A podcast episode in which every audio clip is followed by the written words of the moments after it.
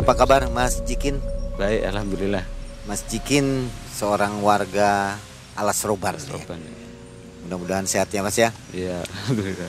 Kali ini tim Malam Mencekam berada di tengah Alas Roban. Roban. ya. Ini tepatnya di hutan jatinya. Jadi di pinggir jalannya itu Jalan Raya Alas Roban dan kita ada di sebelah kirinya, Kiri. kiri jalan di hutan jati. Jadi Mas Jikin ini berprofesi sebagai apa Mas? Driver, sopir-sopir. Sopir-sopir. Ya, Apa ini sopir apa? sopir truk. Sopir truk ya. Ya. Jadi ngangkut muatan begitu ya. Ya. Ini Alas Roban selaku warga di sini Mas Jikin tentunya tahu ya kejadian-kejadian Iya. yang di luar nalar. Memang selalu sering kejadian yang begitu ya? Wah, banyak di sini. Sering. Apa contohnya Mas Jikin? Ya kalau di sini tuh kebanyakan yang mobil remblong kan, itu muatnya itu aneh-aneh. Ya katanya sih sopirnya lalai. Habis minum apa gitu nggak tahu sih. Oke, sobat malam mencekam. Jadi Mas Jikin ini mempunyai beberapa kisah waktu mengantarkan barang ya. Ya, Waktu dapat order. Yang satunya ada ngantar order ke mana? Ke Gunung Lio ya. Ya, Melewati Gunung Lio maksudnya. ya. Dan satu ke Kudus. Kudus, Gunung Kudus ya. Baik. Sobat malam mencekam, saatnya kita mendengarkan kisah dari Mas Jikin dan mudah-mudahan sobat semua dalam keadaan sehat walafiat. Malam mencekam, semakin malam semakin mencekam. Silakan Mas Jikin.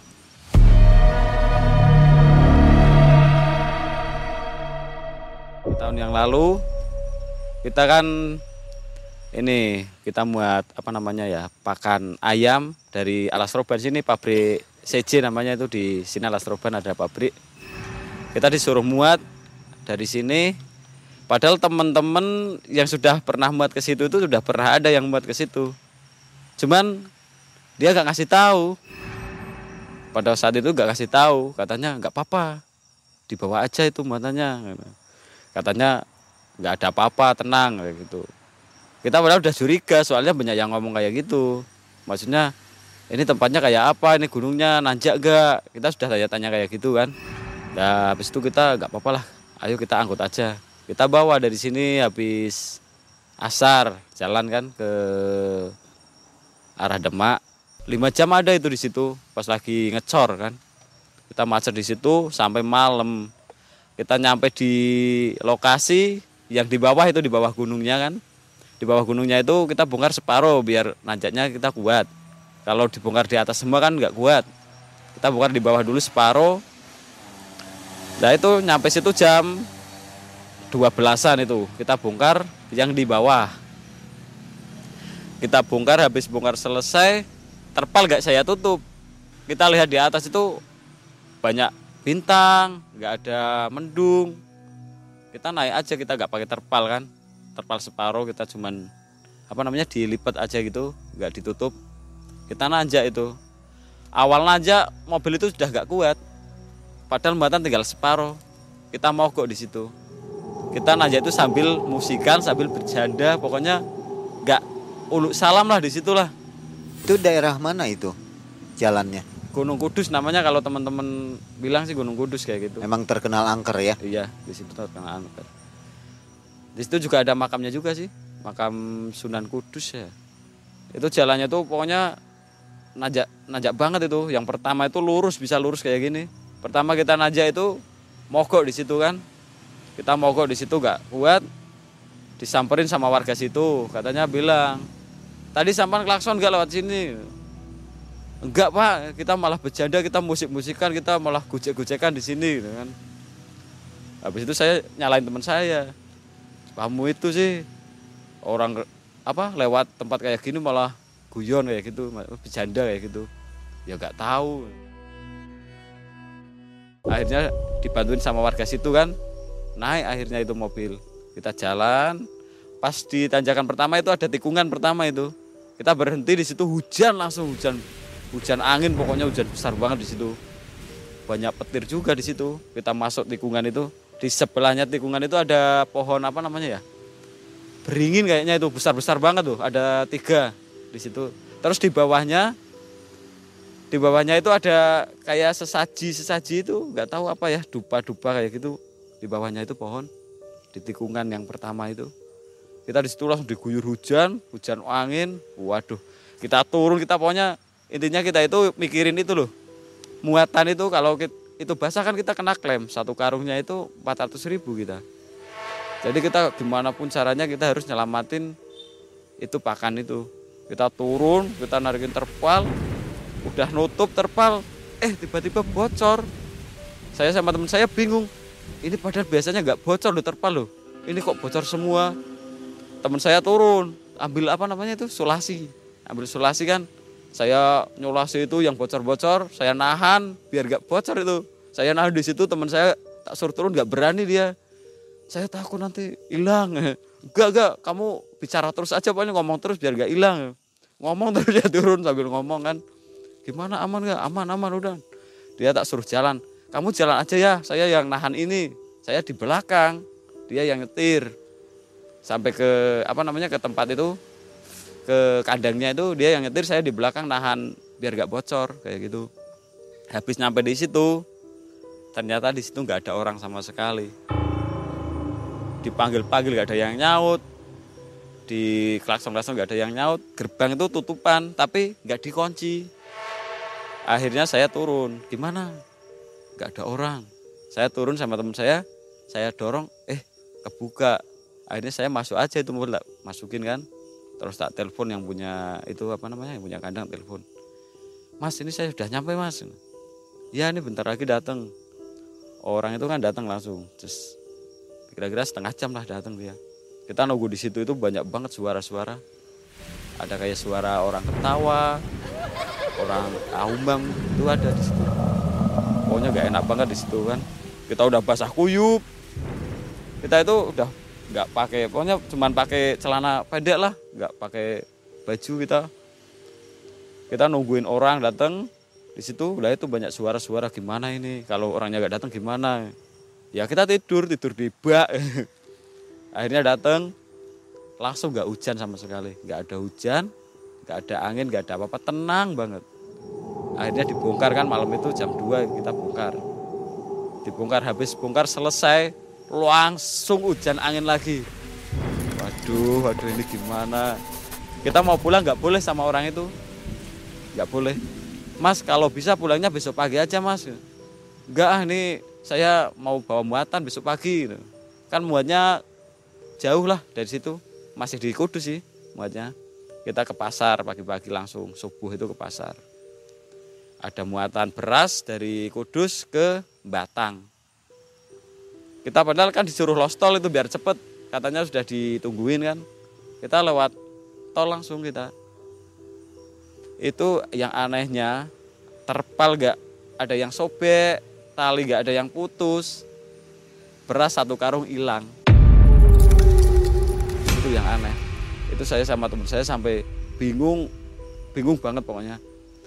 Telepon sama yang muat dicek CCTV hitungannya pas. Dicek di CCTV pas hitungannya. Dibongkaran juga dicek. Kan pas masuknya di masuk gudang dibongkar kan ada CCTV juga di situ. Hitungannya pas.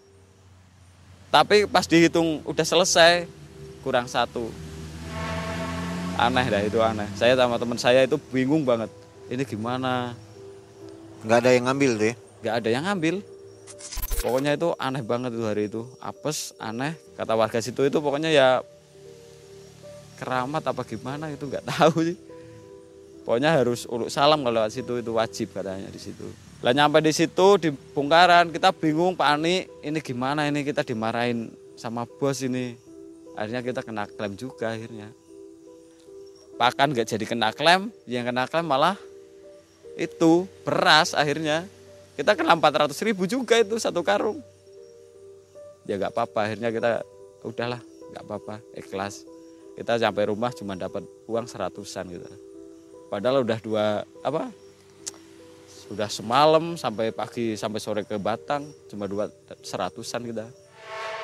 Ada juga ini pas saya pas waktu itu kalau ini tiga tahun yang lalu lah 2000 berapa berarti ya masih 2019an berarti. 2019 ya. Saya masih bawa bok itu kan. Bawa bok kenter yang 110 PS itu. Kita bawa muatan dari Alas Roban sini juga. Bawa mie instan ke daerah Banjar sih. Banjar Patroman itu daerah situ. Ya kita nggak pernah ke situ kita. Nggak pernah sama sekali ke situ. Kita berangkat itu pas malam Jumat Kliwon itu. Kita berangkat sebenarnya saya nggak mau berangkat loh soalnya kan weton saya juga pas Jumat Kliwon. Dari rumah firasat udah gak enak. Wah ini gak enak ini. Ya teman saya ayolah berangkat gak apa-apa. Lumayan gitu buat sangu ke Jakarta gitu loh. Biar ada muatannya. Ya udah ayo berangkat. Akhirnya kita berangkat.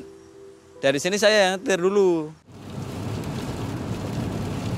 Sampai ke Pejagan kan. Kita lewatnya itu Pejagan arah tol tapi yang lurus terus ikutin map itu. Saya berhenti di sebelah itu masuk masuk tol Pejagan saya berhenti di situ. Kita makan dulu di situ. Kan di situ saya lelah kan ngantuk juga. Tak suruh bawa teman saya. Ya bawa. Saya mau tidur bentar. Setiap saya mau tidur itu dibangunin terus sama teman saya. Gin gin. Apa? Aku mah turu ngantuk. Kayak gitu saya mau tidur ngantuk ini jalannya kok sempit lama kelamaan kok sempit kok nyampe nya kok sawah-sawahan itu ini bener gak gitu kan? Terus teman saya ini nyampe gak ini? Coba tanya warga tanya warga kayak gitu. Ya udah kita cari warga di depan itu kan. Saya turun. Saya turun cari warung sama tanya. Ada di situ warung? Saya tanya.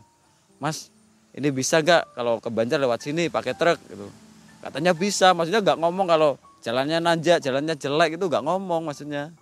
Katanya bisa aja terus ya udah bisa katanya. Oke lah kalau gitu kita lanjut ngikutin map. Nyampe di bawah gunung itu jalannya jelek banget tuh bekas longsor itu ada bekas longsor. Kita berhenti dulu di situ. Ini bener gak nyampe gak saya nungguin warga di situ gak ada gak ada orang lewat gak ada motor lewat. Kita mau putar balik lihat Google Map kok jauh banget masih lima jam. Kalau lewat situ cuma dua jam setengah nyampe.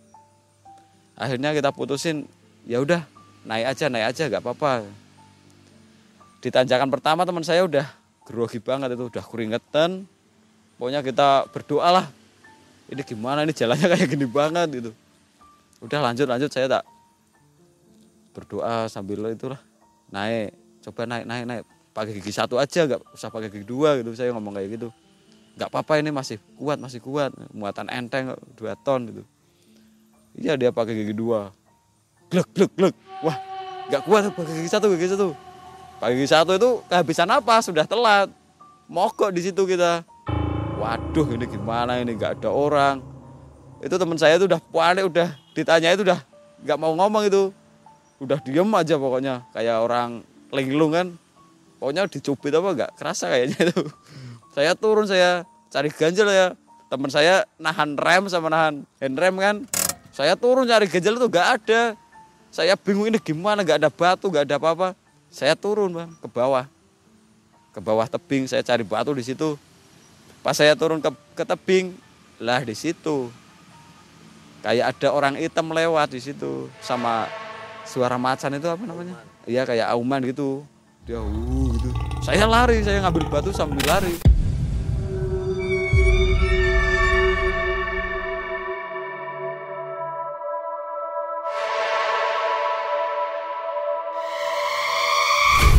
saya ganjel teman saya di situ ada suara cepet. Mesin di, di starter di starter akhirnya bisa ternyata bisa jalan. Kita mau istirahat dulu lah di atas. Nyampe di atas kita mau istirahat sebenarnya di situ. Kan udah panik sih teman saya sih. Ditanyain udah gak ngomong? Udah panik? Gak ada sinyal? Gak ada orang? Gak ada orang sama sekali sinyal gak ada kalau kita kenapa-napa ya. Paling besok pagi ketemunya kita. Gak bakal malam itu Nah, akhirnya kita putusin jalan aja yuk jalan yuk jalan. Jalan tak kira itu udah gak ada tanjakan kan? Emang nggak udah gak ada tanjakan udah lurus terus. Tiba-tiba jalannya turun banget itu udah bingung lagi ini gimana ini? Remnya kuat gak ini? Udah panik lagi itu di situ. Pokoknya panik teman saya kan ini gimana? Mau lanjut apa gimana ini? Apa masih istirahat? Lanjut ini jam berapa ini? Jam 2 ini. Di situ masih jam 2 masih di gunung itu di apa di bawah itu masih jauh banget dulu perkampungan loh. Dari situ tuh masih jauh banget berapa berapa kilo pokoknya. Kita turun akhirnya turun kita beraniin turun kita perlahan-lahan turun. Nyampe lah di perkampungan.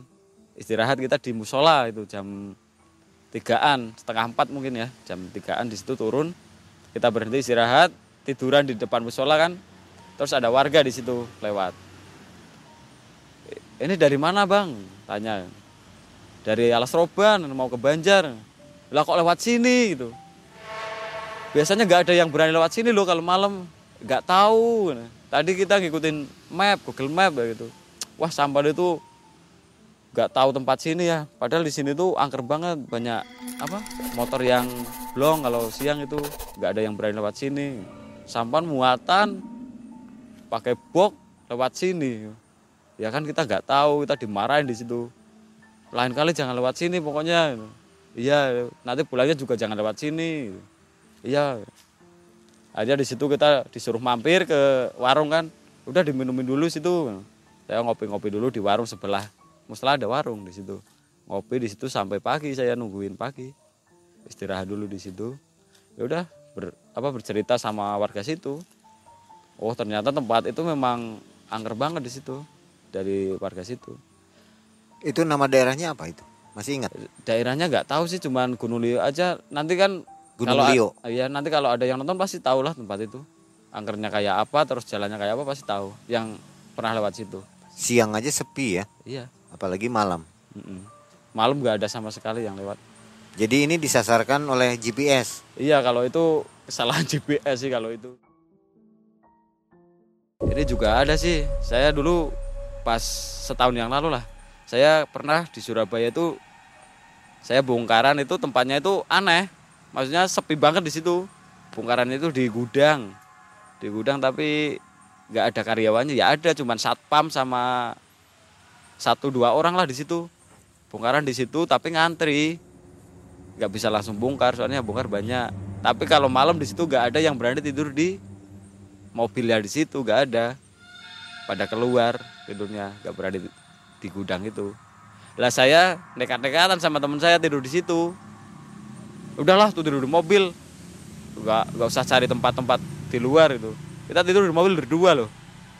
Teman saya tidur. Saya kan masih main HP kan biasa. Main HP kayak gitu. Ada suara sih pertama. Kelinting kayak gitu. Saya apa ada orang mau maling ban apa apa kayak gitu kan. Saya turun saya berani turun tak cek. Nggak ada apa-apa. Saya masuk lagi. Terus ada suara lagi. Suara kayak orang batuk ya gitu kan. Apa ada orang ke sini ya? Saya turun saya pindah malah. Saya kan tadinya tidur bareng di depan kan. Saya pindah ke bok. Saya buka bok saya tidur di bok kayak gitu saya tidur di bok ada suara orang nangis di belakang bok pas itu.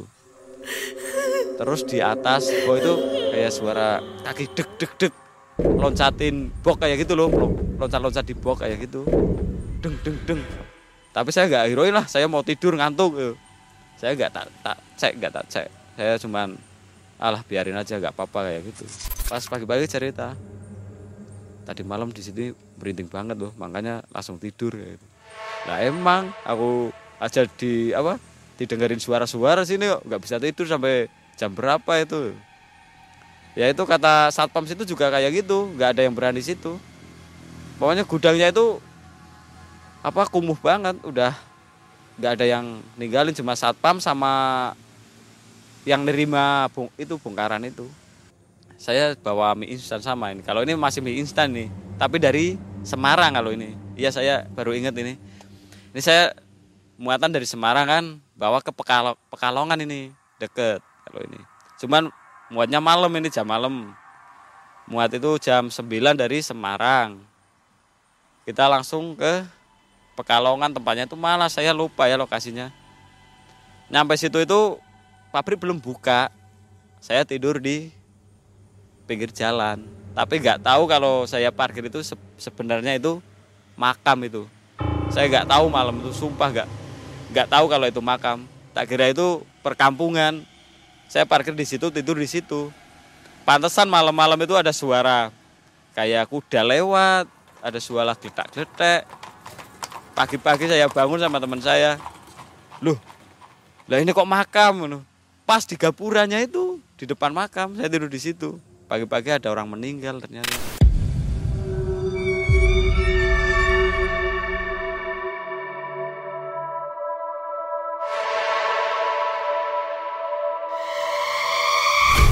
pantesan tadi malam suara gedak-gedak berarti apa namanya itu keranda berarti yang bunyi Mas Jikin biasanya kalau warga alas roban nih kan, Hmm. apalagi seorang supir Hmm. biasanya punya bekal gitu oh iya dari ilmu-ilmu spiritual atau belajar amalan sesuatu. Iya. Punya itu. ya ada sih buat jaga-jaga di jalan maksudnya kan katanya biar gak ada yang ganggu kayak gitu terus biar kalau ada orang jahat gitu bisa gak jadi jahat gitu loh semingkir kayak gitu ada juga Tapi waktu itu belum ada, belum punya. ya Waktu kejadian-kejadian sebenarnya itu. punya punya Cuman Ma- masih tetap makanya aja ya.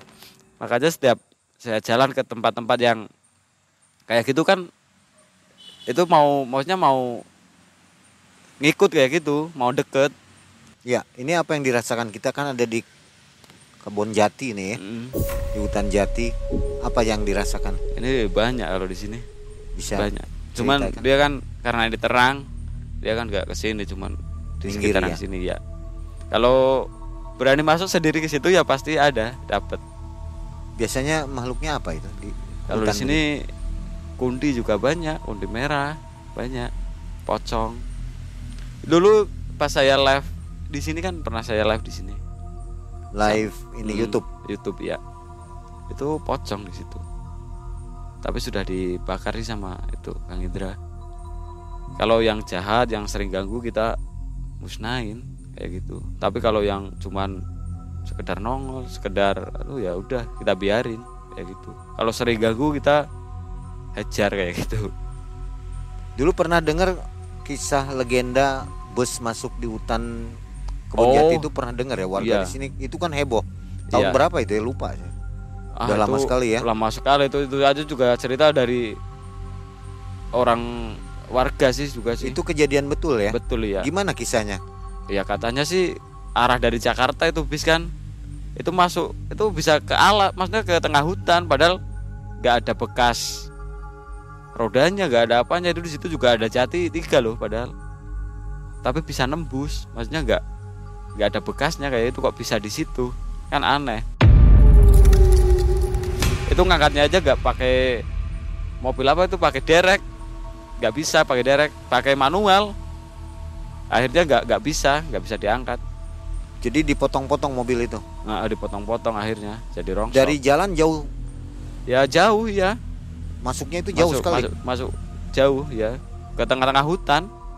Padahal di situ ada itu maksudnya yang aneh kan ada pohon itu loh kok bisa nembus ke situ nggak ada bekasnya juga Secara logika nggak mungkin nggak ya. mungkin nggak mungkin ya Sampai masuk media dulu. Kalau dulu saya lihat itu masuk koran ya, masuk TV itu ya. Mm, Pernah itu diberitakan di TV.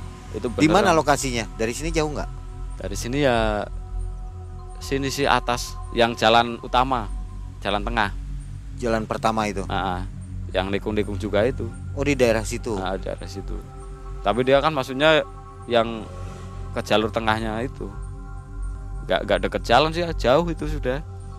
Mas Jikin tergabung di ARC nih, Alas Roban Community ya. Mm. Artinya teman-teman juga pasti punya pengalaman-pengalaman yang di luar nalar. Iya banyak, banyak. Ada nggak yang berkesan nih? Ya ini ada kisah sih dari si Roy ya teman saya. Kemarin kan saya juga berangkat sama itu pas kemarin. Itu cerita dia, katanya pas lewat Blora itu hutan Blora, di situ tuh ada kayak pengantin. Masa tengah malam di tengah hutan ada pengantin? Itu beneran real itu kata teman saya. Ini sumpah saya nggak ngapusin kayak gitu, nggak bohong. Dia mau berhenti nggak berani. Akhirnya dia jalan, dia maksudnya nggak ngurusin itu, cuman itu aja lihat itu katanya Di pinggir jalan atau di dalam hutan? di pinggir jalan katanya juga ramai ada yang iring sih katanya kayak gitu. Masa tengah malam ada pengantin lewat situ? Kan Iring-iringan jalan kaki. Mm-mm. ada pengantin itu bener itu dari si Roy itu. Katanya juga pernah sih dia ngalamin nabrak orang tua. Tapi nggak ada orangnya. Dia sampai turun sampai dicari. Nggak ada orangnya. Padahal dua orang itu lihat semua loh. Ada orang tua nyebrang kena sama mobilnya tapi dicari nggak ada orangnya. Ya bingung lah berdua dicari di mana tadi orang apa-apa. Penasaran akhirnya ya berarti nggak orang itu. Beneran ditabrak itu kena keserempet tapi nggak ada orangnya. Dicari sampai pinggir jalan sampai ke orang-orang sampai nggak ada. Berarti kan itu bukan orang. Itu daerah mana? daerah Surabaya di daerah Surabaya. Daerah Pasuruan Surabaya. katanya ya. Kisah yang di ada di Alas Roban punya nggak? di Alas Roban teman saya Teman-teman ARC. Nggak, ini teman saya dari kampung saya malah. Itu malah bisa ngeluarin uang dari alam goib.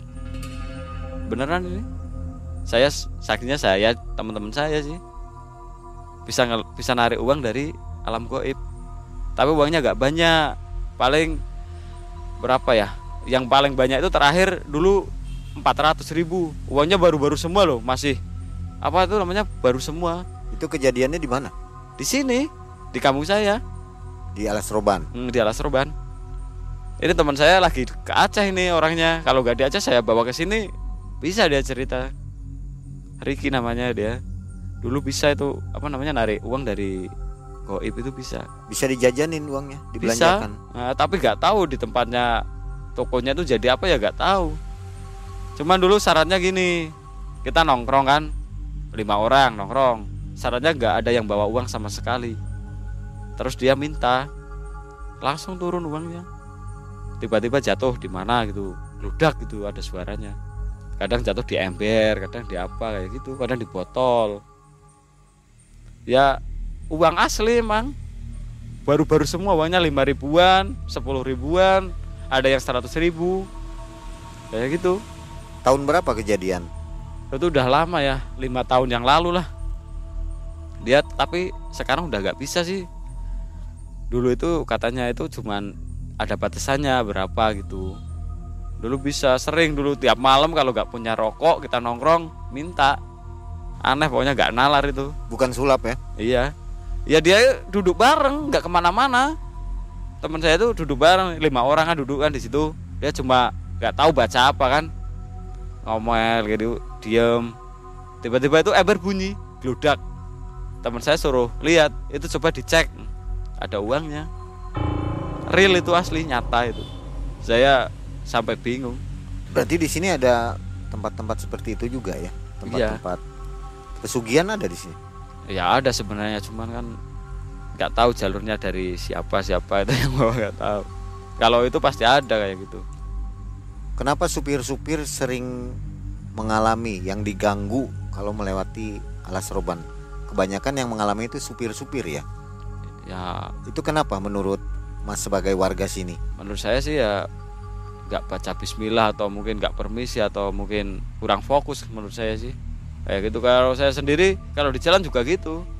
Ya Capek, ngantuk, lewat tempat angker ya. iya itu Kemungkinan kejadian. kejadian. Kalau nggak fokus ya gitu sih. Sampai mereka sering lihat warung goib di Alas Roban ini. Ya itu mungkin Itu betul ya? Iya itu juga ada pernah kisah kayak gitu sopir di jalan yang nikung-nikung itu ada warung di situ padahal kan nggak ada warung yang tengah hutan sini dan dia berhenti tapi berhenti dia jatuh mobilnya kan nggak ada parkirannya sebenarnya curang itu ya tuh mobilnya yang nyesep nyesep dia mau parkir ternyata curang ya itu kejadiannya kayak itu lihatnya ada warung mau berhenti tapi malah jatuh. Kayak gitu. Jadi terguling mobil tuh, terperosok. ya ya belum belum makan di situ cuman katanya lihat ada warung dia mau berhenti. Cuman pas berhenti kok ternyata jurang nggak ada warung kayak gitu. Cuman sekilas berarti kan ilusi apa gimana ya nggak tahu itu. Kejadiannya tetap di jalan yang itu, iya jalan di lama. alas urban sini ya di tengah. Selalu di jalan yang lama ya. Mm-mm.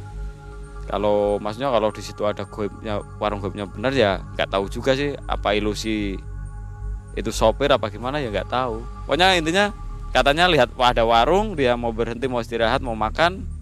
Pas berhenti parkir nyungsep ke jurang. Itu jurang nggak ada warung. Kayak gitu Jadi mobil terperosok. Mm-mm. dulu kalau di sini emang ada apa namanya itu?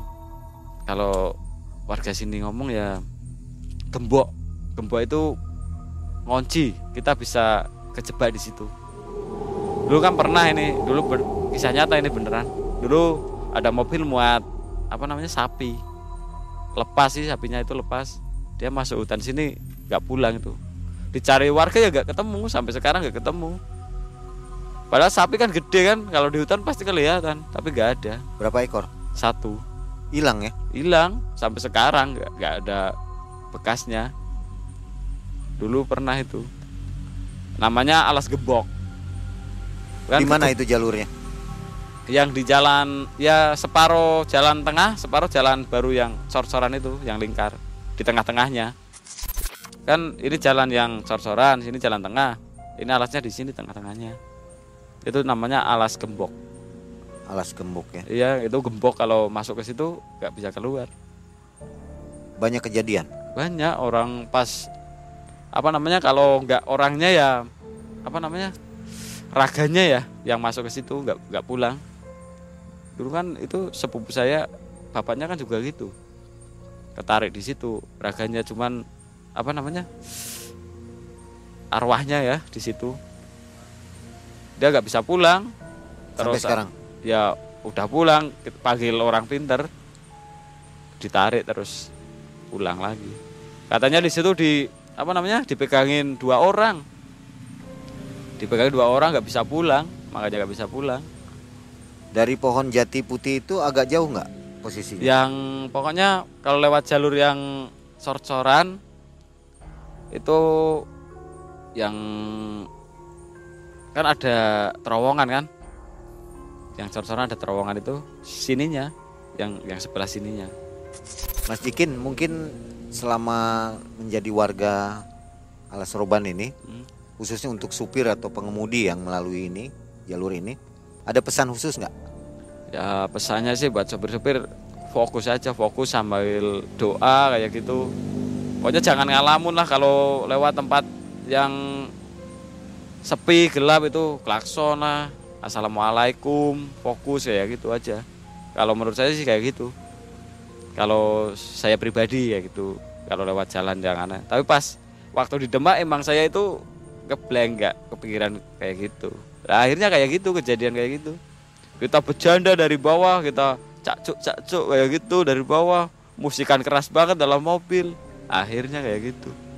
Makanya kalau di tempat yang yang sepi yang menurut firasat kok angker kayak itu ya jangan bercanda lah di situ tempat situ.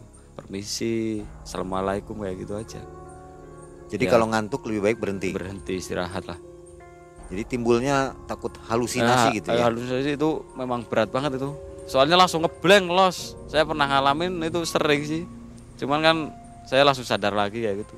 Saya pernah sampai mobil itu udah turun jalur ya pernah ya saya pas turun jalan kan itu saya bangun.